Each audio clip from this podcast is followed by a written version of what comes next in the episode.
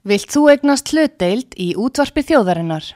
Sendu tölvupóst á hlutabref at útvarpsaga.is eða ringdu í síma 533 3943. Útvarpsaga stendur vörð um tjáningafrelsið. Síðdeis útvarpið á útvarpi sögu. Þáttastjórnandi Magnús Þór Haftinsson.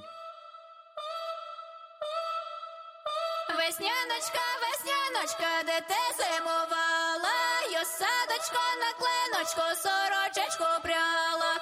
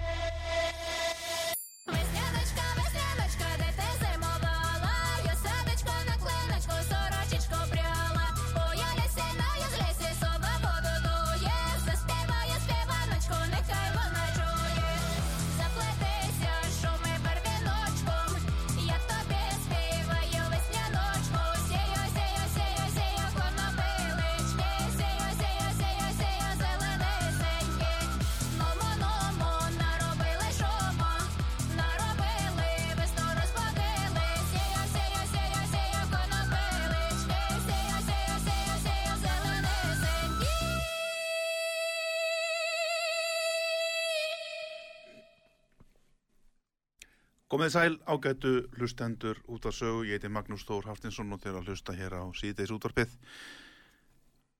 Til okkar er komin í dag góður gestur Valur Gunnarsson, sakfræðingur, reytumundur, reytstjóri, maður með marga hatta og uh, hefur búið lengi í Östur-Európu. Hann kom til mín hér fyrir jólin og þá vorum við að ræða um bók hans sem heitir Bjarmalönd sem fjallar um löndin sem, já, eitt sinn tilherðu Sovjetríkjónum. Uh, hann er komin aftur núna vegna þess að mér langaði til að ræða við hann um þetta ástand sem við vorum líka að ræða hér áðan við Hauk Hauksson, okkar ágæta mann í Moskvu, þar að segja ástandið í Úkrænu. Ég hef svolítið verið að velta því fyrir mér og fylgjast með fréttum og um, staðan núna er orðin eiginlega svo að maður veru veit ekkert lengur hverju maður á að trúa. Til dæmis íslenskir fjölmilar, fréttablaðið í dag, þar er grein frétt sem segir á barmi þess að stríð, stríð brjótist út átökin í austurluta Úkræn á söðpunkti leðtói aðskilnaðar sinna, í Úkrænu segir stríð geta brotist út á hverju stundu 100.000 rúsneskir hermenn dvelji nú gráir við járnum fyrir járnum við, við landamærin. Og síðan ganga hótanindar á víksl svo er pistill í morgumblæðinu fréttaskýring eftir Ásker Ingvason og uh, þar skrifar hann að hann reikni ekki með því að það séu neinn hernaðar átök að fara að brjótast út þarna. Valur, velkomin Takk. Hverju á ég að trúa? Sko það verið almennt vera að því, því lengra í burtu sem þú ert, því meiri áhyggjur hefur á stríði. Já, Þetta stríðstali hefur verið langmest í, í Washington, einhverlega í London, minnilegt í Þískalandi, en, en Úkrænumenn sjálfur hafa verið merkilega rólegir. Þeir Já. hafa ekki kallað út varaliði eða sett hérni meiri viðbræðstöðu heldur en hann er vanalega og, og svo framvegis sko og, og Selenski í Ukraínafórstu er búin að vera uh, svona tónið allt saman niður sko. En það er samt, ég held að og bendir hann á leiðtóa aðskilnaða sinna í, í Austur-Ukrænu að hann, hann býst við innrás af því að hann kannski hefur einna mesta hagsmuna að gæta. Það er svolítið draumur þessu austur hér að aðganga í Rúsland sem að þeir hafa ekki fengið að gera og, og innrás myndi náttúrulega gera það sjálfkrafa en hérna Putin hefur eins og enga hagsmuna af því að ráðast inn í Úkrænu, ekki einu sinni inn í þessi aðskilna héruð, vegna þess að hendur nú langt best að hafa þau innan Úkrænu sem þá hérna eh, sína menn raunverulega innan Úkrænu uh, miklu meira heldur en að vera þau inn í Rúsland.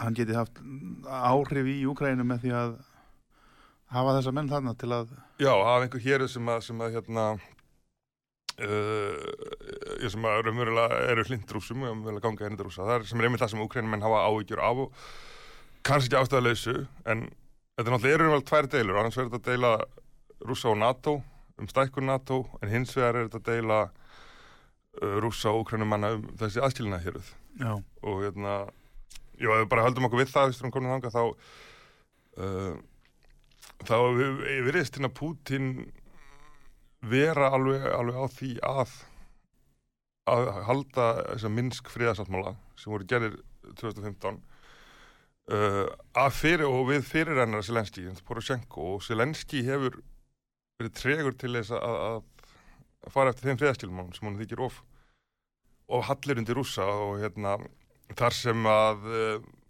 þessi aðskilna hér þegar á svona sjálfstöðunarréttindi og við þekkjum svona sjálfstöðunarréttindi við víða til í bara í Spáni og Bretlandi og Rúslandi sjálfu en, en þau eru ekki í Úkrænu þannig að Úkrænumenn myndir umlega þurfa að breyta sinni stjórnarskrá og gefa þessum uh, þessum svæðum ákveðin hérna sérréttindi en uh, en fyrir mér hljóma það ekki sem neitt slæm lausn endilega sko. Nei. En þú hefur ekki trú á því að það sé að brjóta út stríð þarna? Nei, ekki nema bara fyrir einhvern villisisgang sko og hérna heimstyrjaldra hefur brotið út fyrir villisisgang Jú, jú, ég þekkjum dæmi um það og dæminn sanna. En uh, það er engin uh, sem myndi hafa nokkun haga því og það er eiginlega óhugsandi að hérna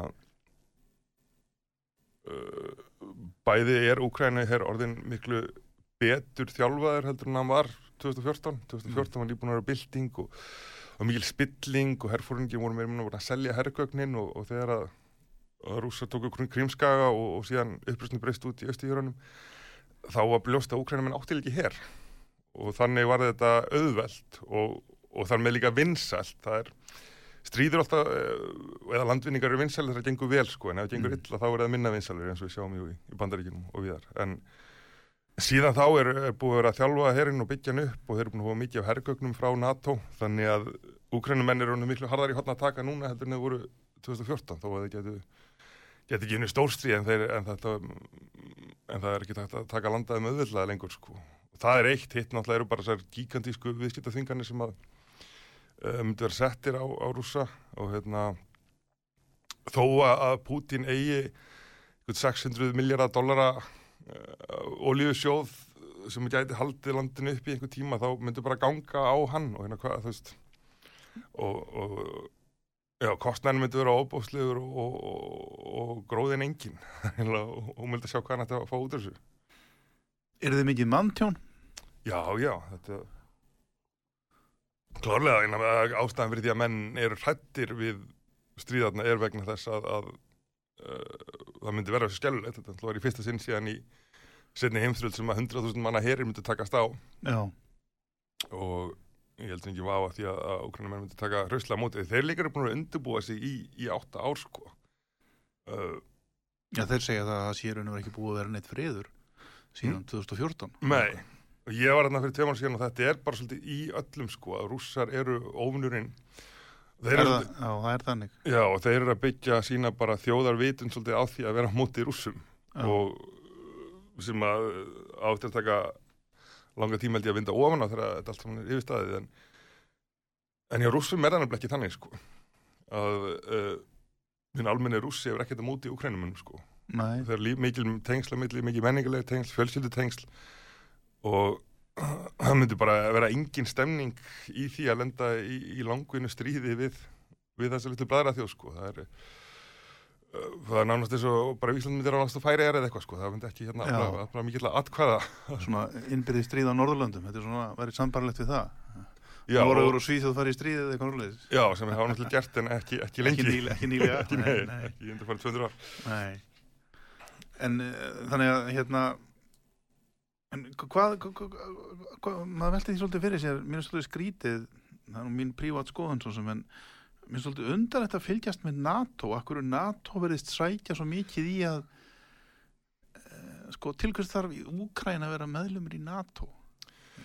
Sko, já uh, það má spyrja sig okkur NATO var, var að stækka svona mikið til þess að byrja með en Já, til hvers? Hvað, til, hver er tilgangurinn? Ég meina, eru rússar, ég get ekki séð að rússar séu svona óbúslega hættulegir eða hvað? nei, og þau voru það sérstaklega ekki á tíunda áratugnum þegar það stækkarna nei, hófust. Nei, og það var einmitt sumir sem að vöruð við því að, að ef NATO myndi stækka þá myndi rússar taka því sem ógn og myndi bregðast við sem aftur myndi gera það verkum að stækka NATO virtist nöðsileg svona eftir áskýring sko því það bregðast við þá verðast það hættulegir sem ekki þau verið. En um, ég held að þetta með að Úkræni gangi í NATO hafi bara verið klúður sko. Þetta er hérna George W. Bush á síðasta árið sinni fórsti sagði að hann ætlaði að taka Georgi og Úkrænu inn í NATO. Og þetta hefur haft bara skjálfulegar afleðingar fyrir alla. Um, Georgi menn ofmiðtniðist og held að nú er hérna bandaríkja menn búin að skuldbyrja til þess að verja þá þeir Mhm. ráðast inn í Suður Ossetíu sem er uh, aðskilnað svæði í Georgiu, náttúrulega minnir á Donbass í Úkrænu og uh, þeir misirna sér algjörlega þegar bestu herir eru í Írak að berjast fyrir bandaríkjamanna. Mm, rússar breyðast mjög hrauslega við. Putin er nú eins og þá á olimpíuleikum í Kína brunar heim til að stjórna aðgerðum. Og á í fimm dögum þá svona leika rússir að því að sprengja upp öll herrgöng sem að gerðjuminn voru búin að fá frá, frá bandaríkjunum. Mm. Uh, en halda ekki áfram með höfuborginu og, og sem er frið og, og síðan alltaf hefur verið fullir fjandskapur millir þeirra þjóða og Úkrænumenn á þessum líka orðið fyrir vombriðum með hérna uh, með viðbröðu NATO eftir, eftir krímska innlimunina. Það eru svona einhverja veikta þinganir en þannig allir hafa orðið fyrir vombriðu með þessi lofvort sem að Bush gaf en síðan hefur staða bandaríkina bara breyst svo mikið þeir eru raunverulega ekki sama rísaveldið þau voru á þeim tíma. Uh, þeir eru að draga sér saman. Uh, um, Trump náttúrulega gerði það mjög harkalega en það er samt svolítið það sem bandaríkjumenn eru að gera. Uh, og síðan náttúrulega Biden í Afganistan og hérna Obama talaði um reset í samskiptum við, Sovjetri, við Rúsland og hérna það fór mjög illa eftir, eftir hérna, krímska deilina og hann ætlaði að vera að einbytta sér að Asi og þetta er svolítið verkefni bandaríkjana þessa dagana. Uh, en Biden er bara svona búin að taka upp sko það versta í stefnu Trump án þess að taka upp það besta. Því að Trump að það var yfirborðinu vildi fyrirmælis rússa en, en hann stofnaði til fulls fjandskapar við Kína. Mm, og bara eiginlega nýtt kallstrið þar sem Biden hefur haldið áfram. En Biden hefur líka verið að taka mjög hart á rússum og þetta er bara ekki, ekki svona mjög klókt af bandaríkjunum. En ég held það svara spurninguna að, að sjálfur sér er engin vilji í bandaríkjunum við því að taka Úkræn inn í NATO. Þetta er fátætt land með löng landar með Rúsland og enga náttúrulega hérna, varnar nei, enga nei, nei. fjallgarða eða neitt sem að þessum, eru eru hér reglulega brunni í gegnum Úkrænu og það væri bara eiginlega allt og kostnaða samt að sér að verja Úkrænu og bandaríkin hefði engan haga af því eins og reynda sumi þingmennur fattin að band- benda á. Uh, en þetta snýst bara um prinsip sko, þegar það búið að gefa þetta út að Úkræna með fá gangi í NATO þá er líka hægt að draga það tilbaka. Já, það er verið að tala um einhvern fullveldis rétt og eitthvað, sko, ég meina, sko, maður velti bara fyrir sér, sko, til hvers var NATO stopnað í upphafi, ég meina, hver er tilgangu NATO? Uh, NATO, ég get ekki séð, í mínu stílingi, nú er ég mikill NATO sinni og, hérna, og, og allt það, en, en ég get ekki séð að það sé tilgangu NATO að vera alltaf að reyna að snappa, sko, eins og maður segir bara fallir íslensku, snappa fighting, sko, nei, eins og mér finnst þér verið að gera hérna. já. Jú, en að NATO náttúrulega var stopnað í þeim tilgangi að verja Evrópu gegn hugsanleiri innrás Sovjetríkina sem var Jú, og svo, svo er sko. líka sko fymta greinin sem mér finnst mjög góð og ég Já. til að hún hafi sko unnið mikið af því að halda friðin í Evrópu frá lókum setni heimstyraldar. Það er að segja eitt fyrir all og allir fyrir einn. Ef það er aðust og einna þá, þá komi hinn og hjálpa. jú, Það er svona haldið mönnum á móttinni að mörguleiti. Það er einn af þeim þáttum sem hafi varðitt friðin frá lókum setni heimstyraldar. jú, jú og, erum við En- frökar Já, því, já, jú, öll, öll, öll, öll, öll, alþjóða samvinna sjálfsögðu. Já. En, en hérna, en uh, eins og segi, þessi að vera að stækka alltaf og fara alltaf nær og nær Rúslandi og augra þeim og, og hérna gera þá órólega. Til hver er tilgangurinn? Já, ég held nefnilega að það sé bara ekki, ekki alveg skilt skilgrindið tilgangur. Þetta var náttúrulega eftir fall Sovjetríkjana og Varsjóbandalega leistast upp þá var NATO svona hálf verkefna. Já. Þetta voru einhvers konar uh, verkefni uh, að stækka NATO en, uh, en einhver leiti snýst þetta líka bara um mismöndi heimsmyndir. Hérna, Mm. Stoltenberg uh, er svona sljómar herskar og hann er bara prinsipfastur normaður sko í hans veröld þá hérna ef að eitthvað ríki vill ganga í NATO stendst aðaldakröfur þá bara kemur ekki til greina að, Já, já, einmitt, einmitt. að taka það ekki inn sko. Já, og, og Angela Merkel líka sagt að Putin sé öðrum heiminn. En einhvern veginn er það rétt sko ekki það að heimsmynd Putin sé raung heldur það er bara þetta eru hluti sem ná einhvern ekki saman að sko, það er náttúrulega mjög öðvöld að, skilja það að rússar, þeim sé náttúrulega and upp sitt öryggi. Það er náttúrulega búið að ráðast inn í þeirra land þrís og sinnum og ekkert mjög lengum tíma og með miklu mannfórnum og, og tjóni. Jú, jú, jú, jú þetta, þetta gerir svona tvisvar á öll sko, við erum að koma tíma. Að það nema þeir sem að ráðast inn í Rússland eins og, frakkar og þjóðar þeir, þeir gera slíkt oftast ekki aftur sko. Nei, nei, kannski mestalegi tvisvar en það er ekki það enda Já. sjálfast vel sko. En uh, já, þetta er bara svolítið það sem að sko NATO, sérstaklega bandaríkinu verðist alveg fyrir munna að skilja. Þeir eru bara við erum góði gaurinn og það stendur engum ógn af okkur. Þetta heyrir maður aftur og aftur. Það er alltaf lægi ef við séum er í Vestur-Európu, Östur-Európu og upp að uh, sko nánast upp á Moskvu, Úkrænu ef það myndi koma til þess að því að við erum góðu gæðinir og við, og þú veist og jú, jú, NATO er auðvitað ekki að fara að ráðast á Rússland. Nei, en það er eiginlega alveg jafn fáránlegt að Rússland fara að ráðast á NATO og jafnvel enn fáránleira bara því að þeir hafa enga burði til þess. Mhm. en, en uh, NATO er ekki lítið svo að þeim stafi mögulega ógnar Rússlandi en, en hafa hún aldrei getað skilið það að rússum stendur ekki síður ógn af NATO? Mm. og uh, og reynilega raunverulega kannski var þetta bara einn stóri miskilningu sem kaldastriði byggði á það var neitt vilji hvorus aðlandlar ráðast á hinn en samt var þetta ógnar jafnvægi og og lágið heimstyrjöld uh, og kjarnakvæstriði allavega nokkur sinnum bara út af miskilningi sko Já, en það er engi sem hafði hafði áhuga á því sko nei.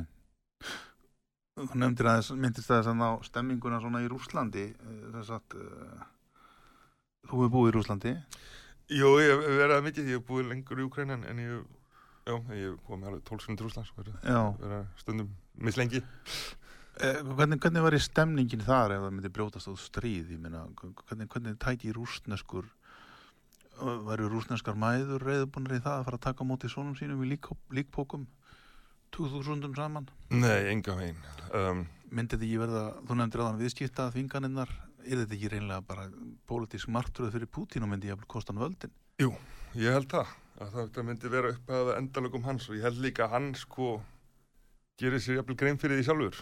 Já, Og hérna, John Mersheimer sem er einn besti hérna, stjórnumfræðingur bandaríkjana, hann hefur sagt að ef að bandaríkjana vilja fella Rúsland þá ættir endla hvetja til þess að ráðast á Úkrænu. Já. Það myndi, það verði eins og Afganistan eða en bara miklu meira raunverulega. Þannig að, uh, nei, það er sko, það er ekki að kannanir um það hverjir eru reyðbúin til að, til að deyja fyrir þjóð sína já, og sá vil ég er já, minnstur í, minnstur í Þísklandi, lítill í Vestur-Európu uh, en miklu meiri í Rúslandi þannig að bara eins og hefur sagan hefur sínt okkur aftur og aftur, ef það verður ráðist á Rúsland þá munu þeir berjast til síðasta manns eins og alltaf. Já, en það að senda heri til annara ríkja hefur ekki alltaf virkað svo vel hjá þeim sem er- sem vetrastriði í Finnlandi 39 eða einu sinni í Afganistan og, og það er hvað þá svona frá frændþjóð eins og Úkrænu? Já, enn síður. En, en það er líka heyrðis mér, ég nú verið í sambandi við eitthvað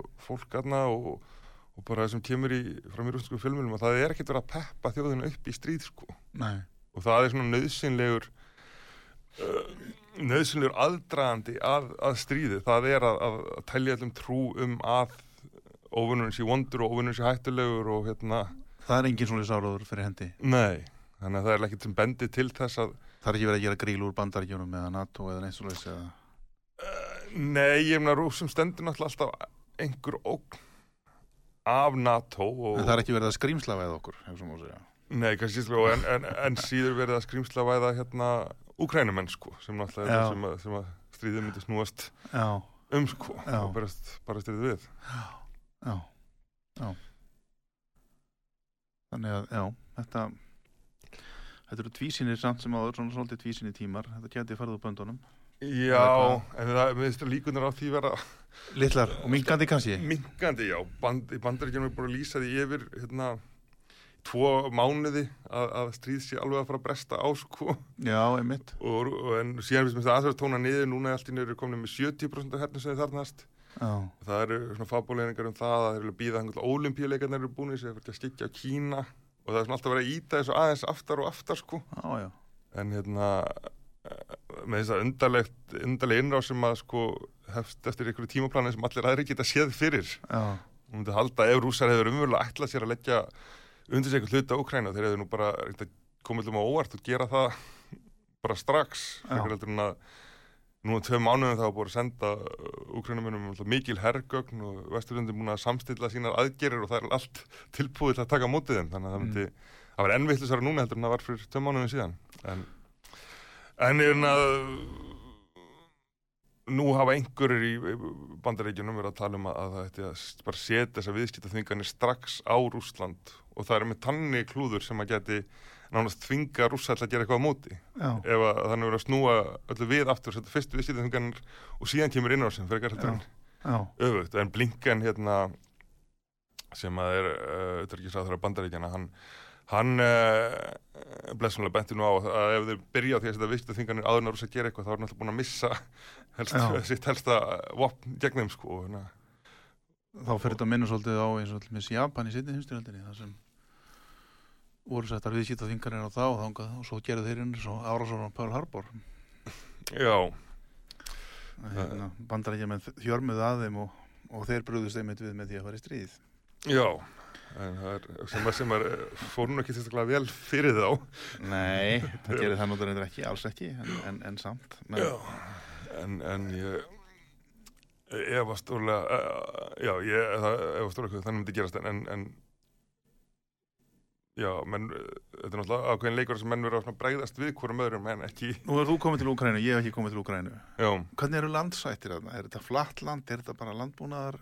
Er þetta gresjur, steppur? já, Ekki mikið fjalllendi? nei Er gott að hega stríð í Úkrænu? Já, ef þú ætlar að ráðast inn í eitthvað land þá náttúrulega veluru helst Úkrænu en, en eins og dæminn sanna. Já, eins og dæmið sanna. Kemst, þú kemst hratt yfir. Meiri sé að svíjar voru komnir árið 1709 Já, fór alveg til Poltava? Já, austast í Úkrænu þannig að það er ekki, ekki meiri fyrirstaða en, en það sko. Nei, En þetta er náttúrulega á það sem er bara svona heila landfræðilega segja, vandamál Európi er að stóru bíli frá Þískalandi og allar leiðin til Moskú gegnum Póland og Hvítur og svo Úkrænu mm. sem er svona mikla flatlendi Európi, þar er engin engin náttúrulega landamæri nei, nei, nei og það er líka ástæðan fyrir því að, að hérna, landamæri er svona ofta breytast mm. fram og tilbaka því að það er ekkit og, og menn eru líka stundum að stækka sig til þess að verja sig sem rússar hefur gert gegnum tíðina þau eru einhverju lí- líka og meiri segja pólverja sko þegar þeir hafa eh, þegar hafa allir höfður sem mestur sko uh -huh. Og hérna já, Úkra, nafni Úkrana með sem merkir landamæra svæði En uh, já, það sko, það, það sem að hefði að gera bara og, og er jafnvel bara í dag eftir fund Makrón og Putin var að komast aftur í umræðina mm. það hefði bara það að ákveða að að Úkraina yrði hlutlaust ríki sem allir myndu veri, verða þarna inn á milli sko. Við erum það hlutleysi þeirra, já, svona eins og Sviss Já, eða jafnvel bara eins og Finnland sko. Og það er kannski merkilegt samanbyrðadæmi að því að Finnar fóru jú illa út í setni heimstyrjöld en þeir hafa verið með þá stefnu alltaf til síðan að vera ekki að augra rússum Nei, nei, og kusum er þess að ganga ekki í NATO þegar þeir vissulega hefðu getað gert það eftir, eftir kaldasinsi sko. einmitt, einmitt. og sömulegis Austuríki sem að og þannig að svo stefna hefur nú alveg gefist bara frika vel. Já, en uh, en Íslandslundi fóru aðra leið og uh, hérna og já, og kom áttur að því að það er eiginlega að að NATO er fyrirmun að skilja akkur það myndi, nú sem myndi taka því sem ógna að vera uh, að því náttúrulega all, allar innra á sér í Rúsland það byrja einhver staðar uh, svona, vestan með Póland og síðan þarf að fara í gegnum allt hvítir út úr Úkræn og síðan eru menn svona eiginlega að þrótum komni þegar eru komni til Moskvu já, bensin í búið. Já, og vetu komin en ef menn myndi fara að byrja í, í Úkræn eins og rússa sjá fyrir sér sko, austur í Úkræn þá er náttúrulega er Moskva bara næstu bara við nánast Þá sko. ertu komin að hjartan alveg um leið. Já. Já, mjög fljótlega.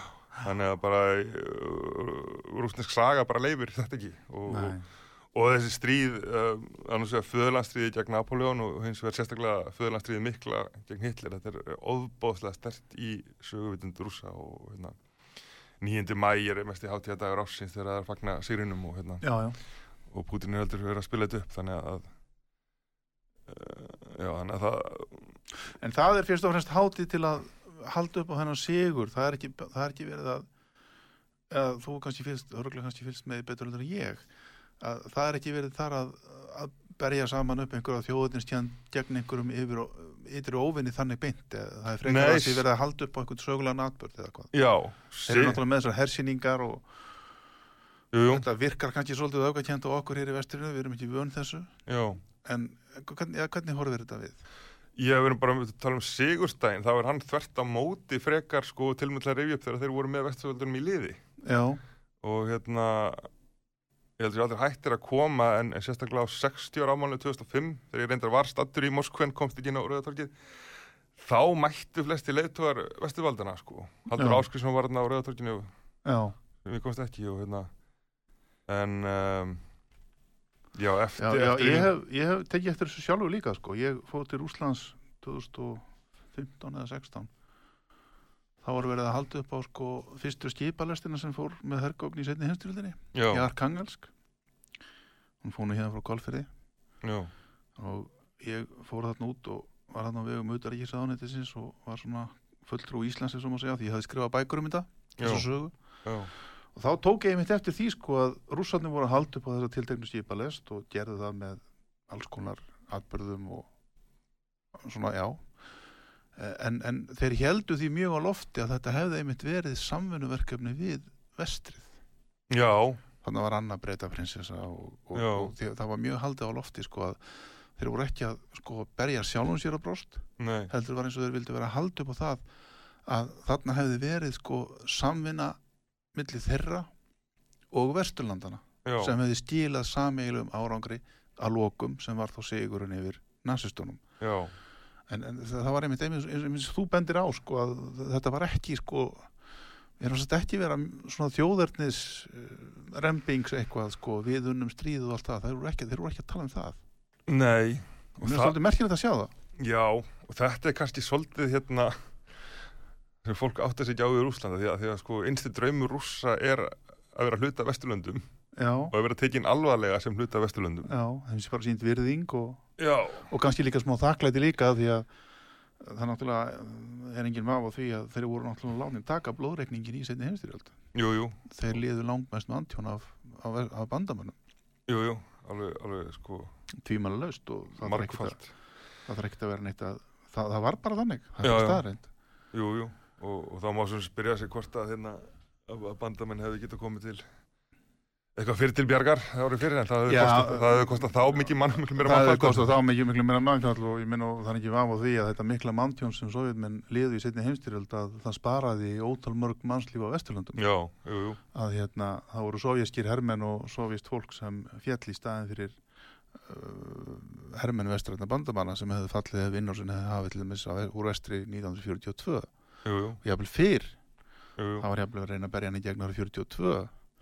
en hún kom ekki fyrir 44 Nei, nei, það var sagt að Molotov viðrækisráð þegar Stalins hafi kunnað fjögur orði í ensku yes, no og second front. Já, já.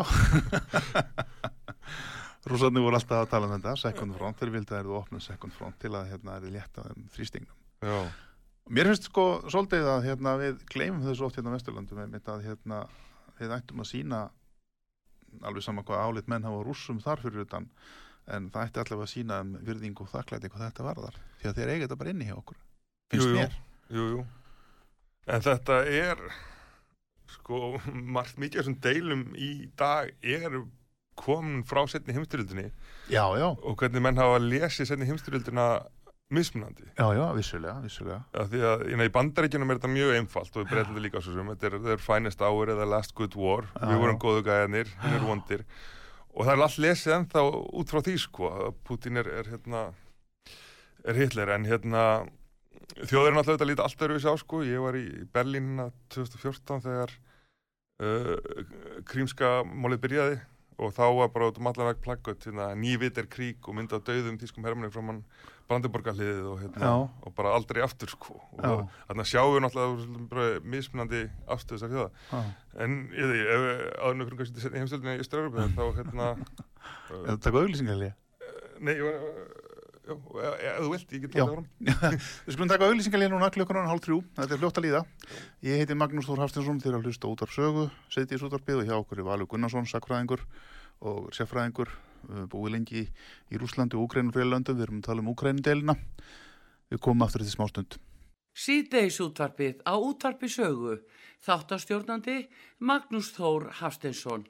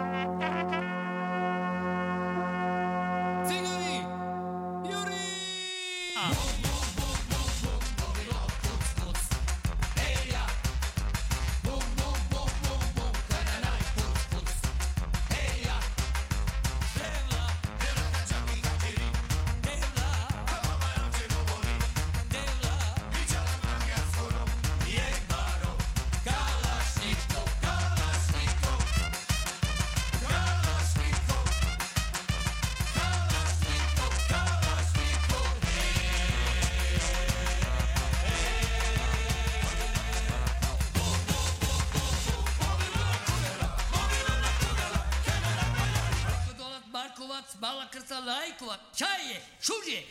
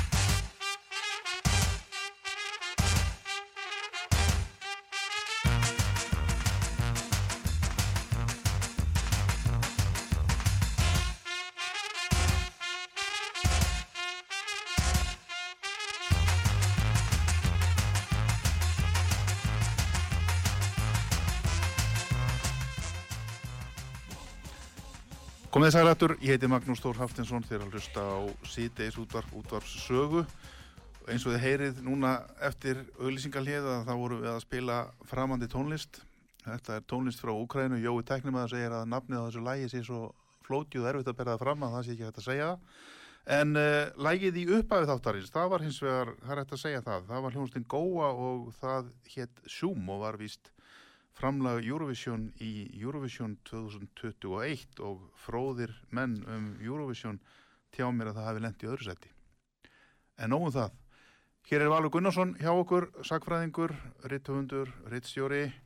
Hann hefur búið uh, lengi í Ukrænu og uh, við vorum að ræða þessi málefni hérna áðan og veltaði fyrir okkur að ég kallaði hann hinga til að spyrja hann að því hvort það væri að koma stríð því að maður veitir hann verið ekki lengur sér drjúkandi ráð þegar maður fylgist með fjölmjölum hér á Íslandi og jafnvel víðar hvað er hann veru er í gangi uh, Við rættum það hér fyrir hlje og við vorum aðeins fannir að koma inn á málefni sem þú vilt halda áfram með núna, Valur Já, þetta er svolítið, sko, ef við ætlum að læra eitthvað á sögunni, þá er sagt að herrfóringin er alltaf reyðbúinir í síðasta stríð. Já, Og þetta líka held ég við um stjórnmálamenn og stjórnmála skýrendur.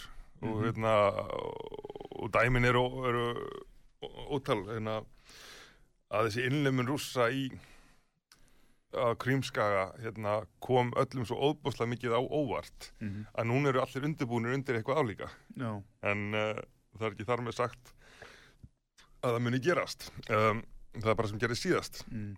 og alveg eins og menn töldu sig að lært það fyrir heimstyrjöld þá var ekki nógu mikil samningsvilji. Það gerist allt svona hálfa óvart þá hérna, var ákveðið næst að, að, að nú ætti að, semja sem lengst og var reyndin að semja í lengstu lögu hitlir en það var ekki hægt. Mm. og eftir það þá eru breytur og bandarækjum með það var hreinu að nú er bara alltaf að standa fastur gegn öllum að því allir hugsanleir óvinnir eru hitlir já, en sem betur fyrir var nú bara einn Hitler og hann er hérna sem að bara var þetta að fá dæmi mann sem var ekkert semjandi við. En, en, en Putin nú búin að vera að tala sér lengu við völd og hérna hann er okkur skynsamari já hver, hvernig er Putin? Hvernig, hvernig, hvernig hverju myndir þú svara ef ég spyrði það því? já, náttúrulega, Hann er ekki nýr Hitler nei og ég, nei, að, það er það er mér sagt að það sé svona hefðbundin stjórnmálumar að veistina mæli hver það heldur sko Nei, en uh, að, það eru svo mikið ofsögum sagt að hann sé eitthvað plönum að endur reysa Sovjetríkin eða leggja undir sig Evrópu eða eitthvað slíkt. Sko en allir í prinsipinu hafa allir áhuga á því að efla veldi sitt það er örugglega, uh, Boris Johnson var örugglega til í endur sem bara skæði hunseldi eða það var hægt sko. Já, já, já, En, en þetta bara er ekkit er ekki, ekki fræðilegu möguleiki og er ekkit plan. En hann sem Putin er mjög naskur í að gera hann er mjög flinkur í að grípa tækifærin þegar þau gefast. Já, eins og leita með krímska eins og nefnist þegar bandaríkjumenn hann, hann talaði bandaríkjumenn um úti því að ráðast á Sýrland Mhm. hérna, með því að Assad myndi afhenda sín gerðingavapn og, og, og þeir þannig bjarga sínu manni Assad og síðan stökka þeir með herinn og, og vinna sigur fyrir hönd Assad sem var í alveg tapæri stöðu þarna 2011 og, hérna, já, og uh, þegar allt svona og, og, og síðan er hann komin í hérna, eitthvað í Líbíu, jafnvel inn í, í Mali eftir, eftir svona vandræðagang bandaríkjana sérstaklega á frakka. Og þú veist, frá sjónurlega sérstaklega bandaríkjana séð gæti þetta lít, litið út eins og hann sé allstæðar að sækja fram og allst og sem eitthvað svona rosa planum að leggja allt undir sig. En, en hann er bara að bregðast við aðstæðum hverju sinni sko sem að Er hann klókur að spila úr sér stöðunni? hann er mjög klókur svona í hverju einu máli fyrir sig. Já, uh, segistum að hann, hann vinnur allar orustur en hann eiginlega er að tapa stríðinu af því að staða rússa er ekki að batna. Nei, hún er þvert að móti að versna ef eitthvað er. Ég held til dæmis að þessi að það innlima krímska hafi verið mjög stór mistök af því að úkrænumenn voru ekkit fjandsamir rússum fyrir þann tíma. Það Nei. byrja allt í framhald af því. Og nú er hann algjörlega búin að missa Úkrænu í, í, í sko kynsluður meira. Það, þegar Úkræna mun að hann fær líka verstu veldina mótur sér. Jú, hann gerir það og, en, en sko hvítrúsar af heldur ekki getur að móti rússum en, en með því að stiða Lukashenko þannig að hann sko, skams, skamstíma er hann búin að herða tökinni yfir hvítirúslandi mjög. Mm. en til lengri tíma er hægt að snúi þjóðin að móti sér og það sama við um Kazakstan jafnvel í Armeníu. Þannig að bæði er þessi ríki orðin háðar ennum heldur en áður var. En til lengri tíma litið er, er hægt að því að, að Það sem gerðist í Kazakstan um daginn, það var svolítið áhugavert. Þar voru óerðir, djöfulgangur og læti. Rússar sendu lið til að koma aftur á allsýrareglu og uh, þá skoðu bandarækjamenn að sagan síni nú það, ég veit ekki hvort það var auðvitað ekki ráð þeirra sem sagði það, einhversu sagði það, sagan síni nú það að þeir eru út einu sinni búin að fá rússana í heimsókn, þá er erfitt að losna við þá aftur, já, en þeir fóru strax aftur heim. Gerðu þeir það ekki? Jú, Þetta herlið sem var sendt, jú, jú, þeir, þeir fóru og komu á reglu og svo fóru þeir. jú, jú um, Já, já, ég er að meina það er sjálfur sér engin ástæð til að halda út í herliði ef það er ekki Nei, en nöðsynlegt bendir það, já, já, en bendir það ekki til þess að, að, að, að, að það, sé ekkit endilega vaki, ekkit endilega fyrir rússum að fara að endurýsa hér Sovjetríkin og innlima öll þessi lönd aftur inn í eitthvað ríkjasamband eins og var. Nei, Það er ekki það sem þeir eru að fara, þeir hafa engan áhuga á því, eða hvað? Ég það er það bara praktist ómögulegt sko Það er praktist ómögulegt. og það er engin Lestinni farinn.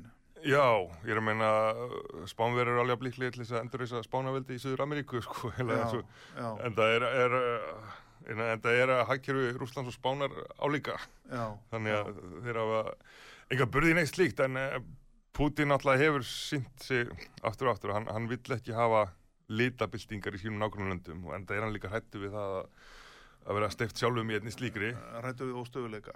Já. Og, já, og svona lætist mitt út frá sér og kannski berist inn í Rússland. Já, og verði, hann var greinilega orðið mjög smeykur þegar þessi miklu mótmæli voru gegn Lukashenko og þá fór hann að bregðast hart við á hérna gegn uh, andófsmönnum og Navalny náttúrulega var hérna veiktist skyndilega hérna í flugvölinni Já, uh, þannig að maður getur séð, séð það að hann hérna hann, hann ótaðist þetta en hérna Hvað er til ráða? Er, er einhver möguleik á því að uh, gæt, gætu Vesturlönd reynda að nálgast rúsa með einhverjum hætti og, og reynlega já, gera það bara vinum okkar? Já, ég held að það sé þetta sem að hefði raunverulega alltaf átt að gera Já, og hérna það hefði mögulega meira sem verið hægt eftir setni heimstyrjöld þó að það sé nú reyndar hérna sko kaldastriði náttúrulega hvernig það hófst náttúrulega er flókið en, en það er ekki endilega vist að nokkur hefði viljað þá eða og einhvern veginn valda gagkvæða mér ótti við eitthvað sem var ónæðslegur en, en, en að síðan náttúrulega á eftir fall Sávitríkina þá náttúrulega gafst alveg kjörið tækifæri já, sem að því miður mun ekki gefast aftur í bráðverist vera þegar að mm, og hérna, og þarna var líka bara alltaf mismundi tólkanir á því hvað gerst hafði. Rekan leit svo á að, að bandaríkin hefði unnið mhm, með því að þeir gátt ekki kæft við, að, með því að Sovjetíkin gátt ekki kæft við að sá að þeir hefðu lagt niður Sovjetíkin til að friðmælast við Vesturlönd. Já, og síðan bregðu þeim svolítið aftur og aftur pólverjar fá lán rússar ekki mhm, Jeffrey Sachs sem var stóð svolítið fyrir þessu saman fyrir að innlega til Östur-Európu hann hefur síðan kvartað undan sko. Það var bara eins og lína hefur dregin sko við hjálpum Östur-Európu en ekki Rúslandi já, og það var fyrst þegar, líklegt var að Jeltsin myndi falla og, og kommunista myndi taka aftur völdin í kostningum 96 sem að bandaríkjum er fara að senda láðan þangað. Og, og síðan alltaf kemur þessi stækkun NATO sem er erfitt að sjá að hafi verið mjög nöðsilega því að hún alltaf hlýtur að beinast gegn rússum þegar að fyrst Já. Pólland, Tjekkland og Ungarland gangi í NATO þá er það ekki til þess að verja gegn svíjum eða, eða kýmverum eða neinum öðrum mögulegum heldur en bara rússum sko. Ístrasalslandin. Já, og, og síðan það er næsta, næsta stækkun sem er öllu, öllu starri og öllu verri fyrir, sjónulega rússa því það eru hérna, þeir um Sovjetríki lönd sem tilur áður Sovjetríkinu farin að ganga í Íslandin þannig að en og meiri segja Jeltsin undir lok valdtíma sem var orðin mjög hérna, mjög andsnúin NATO og, Putin fær síðan það verkefni að friðmælast við Vesturland til að byrja með Já, og eins undarlegt að það kann að hljóma og, og hann hérna eftir ásuna 11. september þá er hann fyrsti mann til að ringja í W. Bush honum er búið í grill og búkar búsfjöldunar í Texas Bush lítur í auga og segir hérna ég hef séð inn í sálu Pútins og, þetta er maður sem að hægt er að vinna með sem er annaldri um Biden segir, hann segist í liti í augu Pútins og hann hefur ekki sál hvernig? Já, þú veist sem er kannski stráttið tekið ránt en, en það er, hann er engin leiðtöð stórvöldi sem hefur ekki hérna. Eitthvað svona, já. en ekki það að leggja það allt saman að jöfnu en sko, ef við horfum í það þá er enda svolítið munur að Pútin tekur engöngu eigin þagna af lífi.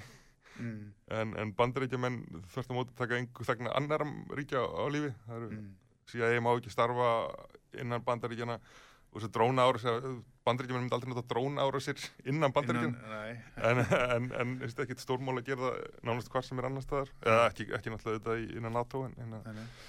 en hérna já, en þetta er sko svolítið hérna draumur rússa. Hefur alltaf verið að, að vera hluti af Vesturlöndum en á jafnbyrðis grundvelli. Og meira sé að Pútín hérna undir við byrjun aldarinnar eh, fer að orða það hvort að Rússland ætti bara ganga í NATO Já, og það er náttúrulega besta lausninu, bæði Rússland og Ukraina hefði gengið í NATO, þá hefði þetta vandamli dag aldrei geta komið upp. Nei, nei. og honum er bara sagt að fara aftast í röðina. Já, og, og rússar þóla það ekki sko. Þeir segja við erum hérna stórvildi að við ætlum að ganga í NATO þá erum við niður ræða það almennilega það er ekki sagt bara að fara aftast í röðina eftir hérna nei.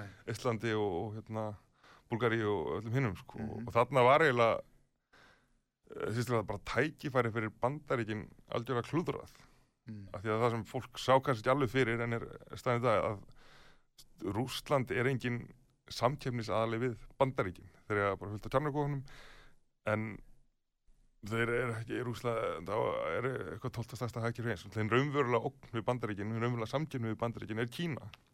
Já, eins og þeir eru náttúrulega að gera sér grein fyrir og þess vegna hafa þeir uh, lítill hagsmuna að gæta í einhverjum hérna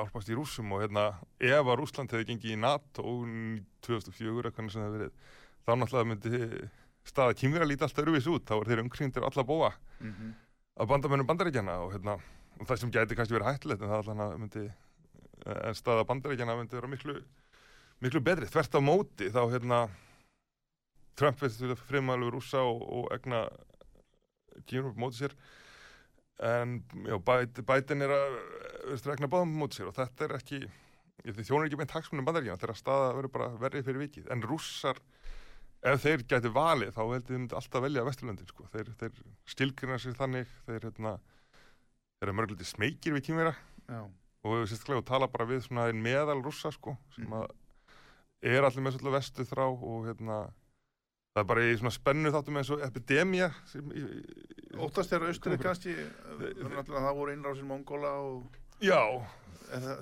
í þeim, já. Svona í þjóðarsálinni? það er svolítið svona partur af söguleg vitundinni já, að, Já, þennan, að þessi innrás Mongóla hafi aftengt á fröstin og þetta svona, alltaf kallað Mongóla áþjánin. Já, En það eru líka bara praktískari hérna ástæður í dag eins og það er náttúrulega búið ekki að margir í Sýberíu, rússum fyrir fækkandi.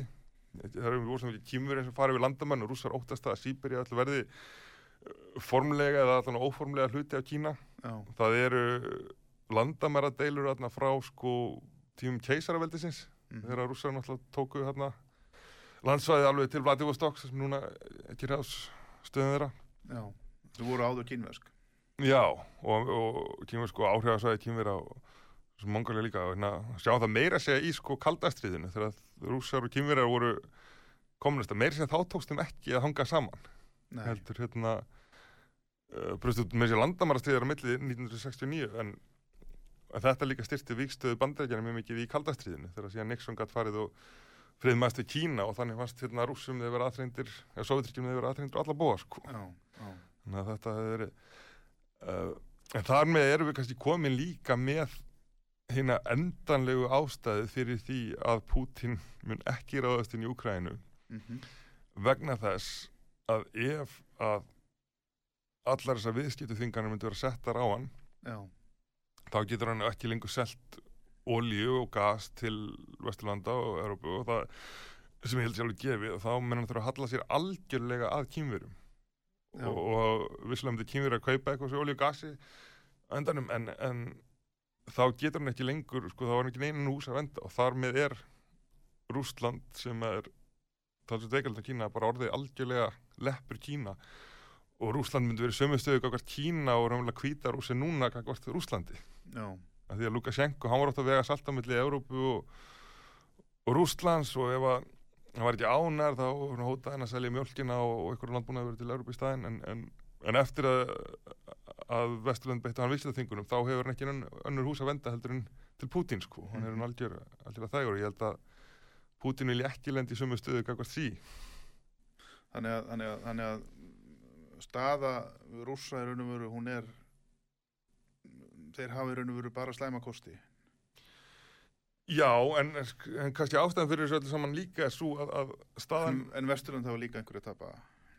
Jú, jú, en það er bara minna. Það er hérna, uh, þú veist, Þískaland getur keft ólíu annar staðar frá, það bara er dýrara. En ef rússar hef- getur ekki selt hana þá, þá er algjörlega að halla sér að, að Kína. Já, En kannski ástæðan fyrir þessum vandræðum núna er bara í staðinni sem hún er, er heldur ekki mjög góð, sko. Þannig hérna, þessar viðskiptaþinganir eftir Krímskaga sem við tökum mjög þátt í, sem Mhm. eru hérna, sem eru takmarkaðar en þær býta svolítið samt og það er engin endir á þessu, virðist vera. Næ En það líka eru þessar viðskiptaþingarnir svo ómarkvissar, ef, að- sko, ef markmið er að rússa drægi þessu út úr Krímskaga þá hérna, er þeir ekki að vera að gera það, bara Nei. ekki undir einum kringustæðum. mm, Uh, en, að, en að binda enda stríðið Donbass, það verðist vera gerlegt og það er með þess að reyfing á því eftir fund Macron og Putin. Mm um, og uh, rússar fengu ekkert út úr Trump. Mm. þvert á það sem að þeir hefur vonast eftir Biden er bara ennþá herskári og, og, og það er ekki ljóst að, að neitt bandar ekki fórseti í bráð muni vera neitt öðruvísi. Þannig að það sem Putin er að gera núna með þessari hernarupbyggingu er bara að þvinga fram viðbröð sem hann hefur vissulega fengið Já, og þvinga fram einhvers konar hérna uh, einhvers konar niðurstöðu í þessum málum. Þetta er allt saman komið upp á borð hjá öllum, það er allir að ræða þetta. Þetta Ma- hafa verið samið í raun og veru. Já, Áttu vona því að, að því við fyrir nú að falla á tíma eh, áttu, hvernig heldur þetta fari? ég held að þessum hernaræfingum munu ljúka í lok mánadar eins, eins og til stendur. Já, uh, og þá mann að geta dreigið herrin tilbaka án þess að, að svona vera fyrir álið snekk um, það virðist vera sem að sé einhver hreyfing komin á friðaviðraðarnar í í Donbass mhm, sem hann náttúrulega væri óskanda því að það er stríð, það er á 14.000 manns dáið. Mhm uh, Pútín mun auðvitað ekki fá neina neitt ofinbært lofur bandaríkjana um það að hérna að Úkræna mun ekki ganga í NATO. Kannski eitthvað bak við tjöldinin sko. Já, en það virðist nú samt allt í hennu aftur þessu hugmyndum bara hlutis á Úkræna virðist allt í hennu aftur vera komin upp á borð sko. Og já, ef hann fær þetta þá má hann nú bara vera nokkuð Já, Ukraina sko. verði svona land eins og Finnland, eins og maður segja. Já hérna, utan við NATO og svona einhvern veginn vinnur allra. Já, það minnur einhver fjandskapur milli en það, það er sjálf sér laus sem að allir ætti að geta sætt sér við og ég held sko myndu þeir ekki stór græða það sjálfur Já, og ef, að- ef að, lífleg viðskipti bæði vestur og austur. Jú en nú náttúrulega er sko óttin við rússa farin að vera svo, svo, svo mikið en, en uh, þetta sé einhvers konar svona hystería eða? Soldið, ég meina náttúrulega bæði NATO og Varsjárbandalega náttúrulega byggðu á nákvæmlega því sko. já, já, og, og þess vegna vilja gangi NATO en ég, en jú, jú, það er sko ef það var þetta, ég þinn alltaf að fá krimskæli en ef það var þetta semja friði í Donbass og, og ég reikna nú með því að þessari svona ef það myndi koma einhvers svona hlutleiðis í lýsing þá myndum við fylgja því líka að þessi hressilegir hérna styrsta pakkar sko. Þeim náttúrulega, hvernig munum vantar ekki síst pening já. og ef þau myndi fá og þetta hefur lagt Getur verið, að, verið að þeir séu svolítið að spila einmitt inn á eitthvað svo leiðis, útgrænum sko, já og nei þeir séu, að- þeir að búa til kind undir einhverju einmitt til að fá eitthvað svo leiðis þeir eru reynulega ekki að kynna undir þess að deilu þetta mót eru að draga úr henni. Af því þó að þeir fái hergökkur á Vesturlundum sem nefnist ágætt þá er hérna sem einskir að býða bara eftir sko einhverjum og, og lánum og það vill ekki lána landi pening sem verður kannski ekki til eftir nokkra vikur og þess vegna er hann alltaf að segja sko rússar er ekki að fara að gera inn á að hluti held ég vegna þess að hann trúi því Já. en hluti líka vegna þess að það voru svo erfitt að fá lán ef þetta halda stríðs í yfirvandi já, þeir þurfa, að- þurfa að láta, láta líta skýrt út að þeir verði til Já. í framtíðinni. Einmitt, og þannig, Það er eigi framtíð. Já, og þannig náttúrulega er, er þessi ógn þeim alls, alls ekki í, í hag þó að Selenski náttúrulega að marka sér skýra afstöðu núna það gengur illa hjá hann með efnarsumbatur en margir óttist að hann er of veikur gagvart rússum en þvert á móti hefur hann nú verið frekar sterkur sko Mm. þannig að það er kannski einhverju pólitík hagsmunir þar en, en svona efnaðslega þá, já, þá held ég að hérna, Er slæmt efnaðsásin í Ukrænu? já, já, það er bara það er bara alltaf sko Alltaf, eilu krísa. Já, það verið bara alveg frá frá fallið Sovjetríkina og, og þú veist, COVID náttúrulega var auðvitað líka slæmt Já, sko já, já. Og, en það er ekkit já, og, síðan er bara alveg hrikalega mikil spilling sem að gera það verkum að það er erfitt að koma henni í framkvæmt sko Mm. Pe- peninga hverfa á hérna Já. en, Þú lýsir þessu svolítið í bókinniðinni. já, Bjarmalönd, við getum alveg auglýst hann á svona í leðinni. Fólk vil lesa sér til um þessi sveiði. Og hérna... En um, nú fer tíma okkar að verða á þrótum. Uh, þú ættir að vera með fyrirlestur í kvöld. Segð okkur hans frá því, svona lokin. já, þetta er í friðarhúsinu hérna, uh, sem að fólk veit líklega hvað er geng gamla Östubíja bíu Já, einmitt. Snorrabröðina Já. hérna, og um, já, ég ætla bara að ræða þessi mál í hérna í einhver tíma bæði sjónur úgrænumanna og rússa og, og raunverulega þessar tvær uh, mismunandi en tengdu deilur annars vegar landamæra deilur Rúslands og Úgrænu og hins vegar deilur NATO og, og rússa um, Já. um stækkanir en hérna og, og síðan alltaf verður tekið við spurningum Spurningum. Þetta hefst klukkan, það er slugan átta klukkan átta í kvöld. og það er, já. já, og það, ég er ókipið sinn en það er hægt að, að hérna, kaupa held ég einhverja veitingar þar Akkurat, einmitt. Já, einmitt það, en það er sagt ekki að koma stríð. Nei, ekki, ekki í þessu mánuði held ég og ekki, ekki út af þessu ég, sko, ég myndi að segja meiri áhyggjur af, af hérna, þróumála í Bosníu jafnvel eða, þú veist, e- eða spennast um milli Kína og, og Bandaríkjana en hérna en uh, stríði Úkræna myndi bara verða svo svo galið að ég hérna er alltaf, ég vona engin leiki slíkt og ég vona að þeir sem ráða sér sammála mér í því Einmitt það. Valur Gunnarsson, sakfræðingur, reytumöndur, reyðstjóri, hann var gestur okkar hérna í síðdeis útvarpinu. Tím okkar er á þrótum. Ég heiti Magnús Þór Hafsteinsson. Ég verð hér aftur á morgun klukkan þrjú. Takk fyrir að lusta. Jói Tæknimaður, takk fyrir Jóhann Kristjánsson Tæknimaður, takk fyrir hjálpina. Um, verið þið sæl.